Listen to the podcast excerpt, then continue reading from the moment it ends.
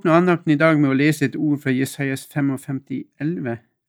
Slik er det med mitt ord, det som går ut av min munn. Det vender ikke tungt tilbake til meg, men gjør det jeg vil, og fullfører det jeg sender det til.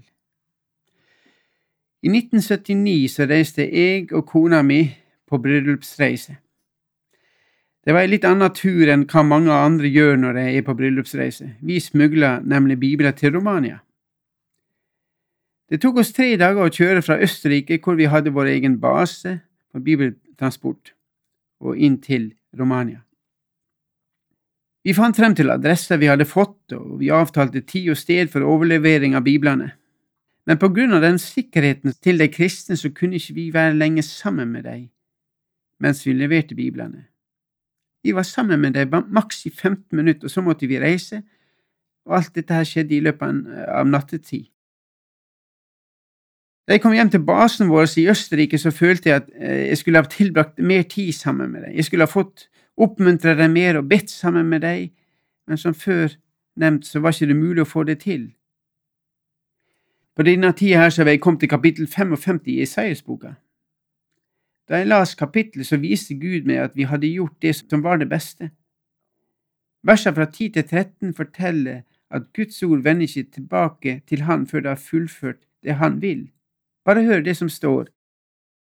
For like regn og sne som faller ned fra himmelen og ikke vender tilbake dit før de har vannet jorden, gjort den fruktbar og fått den til å spire, gitt såkorn til den som skal så, og brød til den som skal spise, slik er mitt ord som går ut av min munn. Det vender ikke tungt tilbake til meg, men gjør det jeg vil og fullfører det jeg sender det til. I stedet for tornekratt skal det vokse sypresser, og istedenfor nesler skal det vokse myrt. Slik skal Herren få et navn, et evig tegn som aldri slettes ut. Dersom menneskene får Guds ord og bruker det, vil Gud forandre mennesker.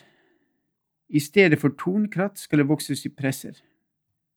Jeg blir klar over at det følger et løfte med Guds ord. Det vender ikke tungt tilbake til meg, men gjør det jeg vil og fullfører det jeg sender det til.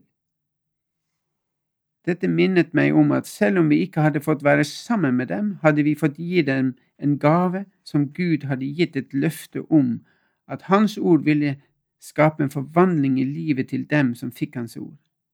Og I stedet for tornekratt ville det vokse opp sypresser. Dette ordet er blitt veldig viktig for meg i mitt liv. Jeg oppdaga at i mitt liv så var det tornekratt, men jeg fikk se at disse tonene kunne bli forvandlet til suppress gjennom Guds ord og istedenfor nesle så vokste det myrter. Dette er det Gud lover at Hans ord skal gjøre i ditt og mitt liv. I 2003, da, da de allierte gikk inn i Irak med en stor hær for å skape forvandring i det landet, sa broder Andreas, som er grunnleggeren av Åpne dører, vi kan aldri forandre Irak ved å sende inn en hær. Det eneste som kan forandre det landet, er denne boka, sa han, og så løftet han opp Bibelen.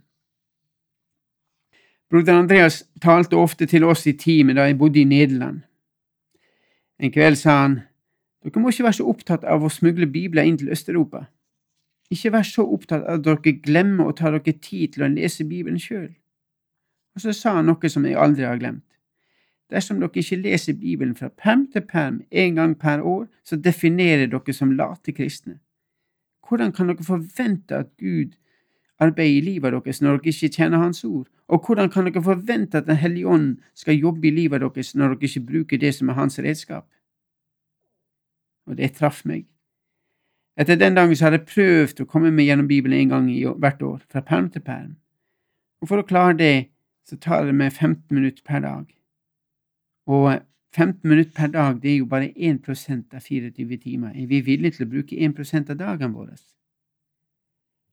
Jesus sier i Johannes 8, 31 og 32, hvis dere blir i mitt ord, så er dere virkelig mine disipler. Da skal dere kjenne sannheten, og sannheten skal gjøre dere fri. Reaksjonen fra jødene som, uh, var at de var slett ikke slaver. De var Abrahams barn, så hvorfor skulle de settes i frihet? Og hva skulle de settes fri fra? Jeg prøvde å sette meg inn i jødene sin reaksjon, og jeg tenkte at jeg er heller ikke slave. Hva trenger jeg å settes fri fra? Jeg gjør akkurat det jeg vil. Og idet jeg sa det, så stoppa jeg opp. Hva om mitt problem er akkurat det at jeg gjør hva jeg vil? Hva slags kvaliteter er det som bor i meg? Og på den tida der så var jeg kommet til Markusevangeliet, og jeg drev og las gjennom det og var kommet til kapittel sju. Her diskuterer Jesus med jødene om hva det er som gjør et menneske ureint. Og Jesus sier, forstår dere ikke noen ting, sa han. Skjønner dere ikke at ingenting som går inn i mennesket fra utsida, kan gjøre det ureint? Det kommer jo ikke inn i hjertet, men bare ned i magen og går ut igjen dit det skal.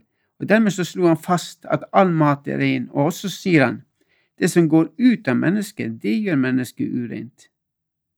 For innenfra, fra menneskehjertet, kommer onde tanker, hor, tyveri, mord, ekteskapsbrudd, grådighet, ondskap, svik, utskeielser, misunnelige øyne, spott, håmod og vettløshet.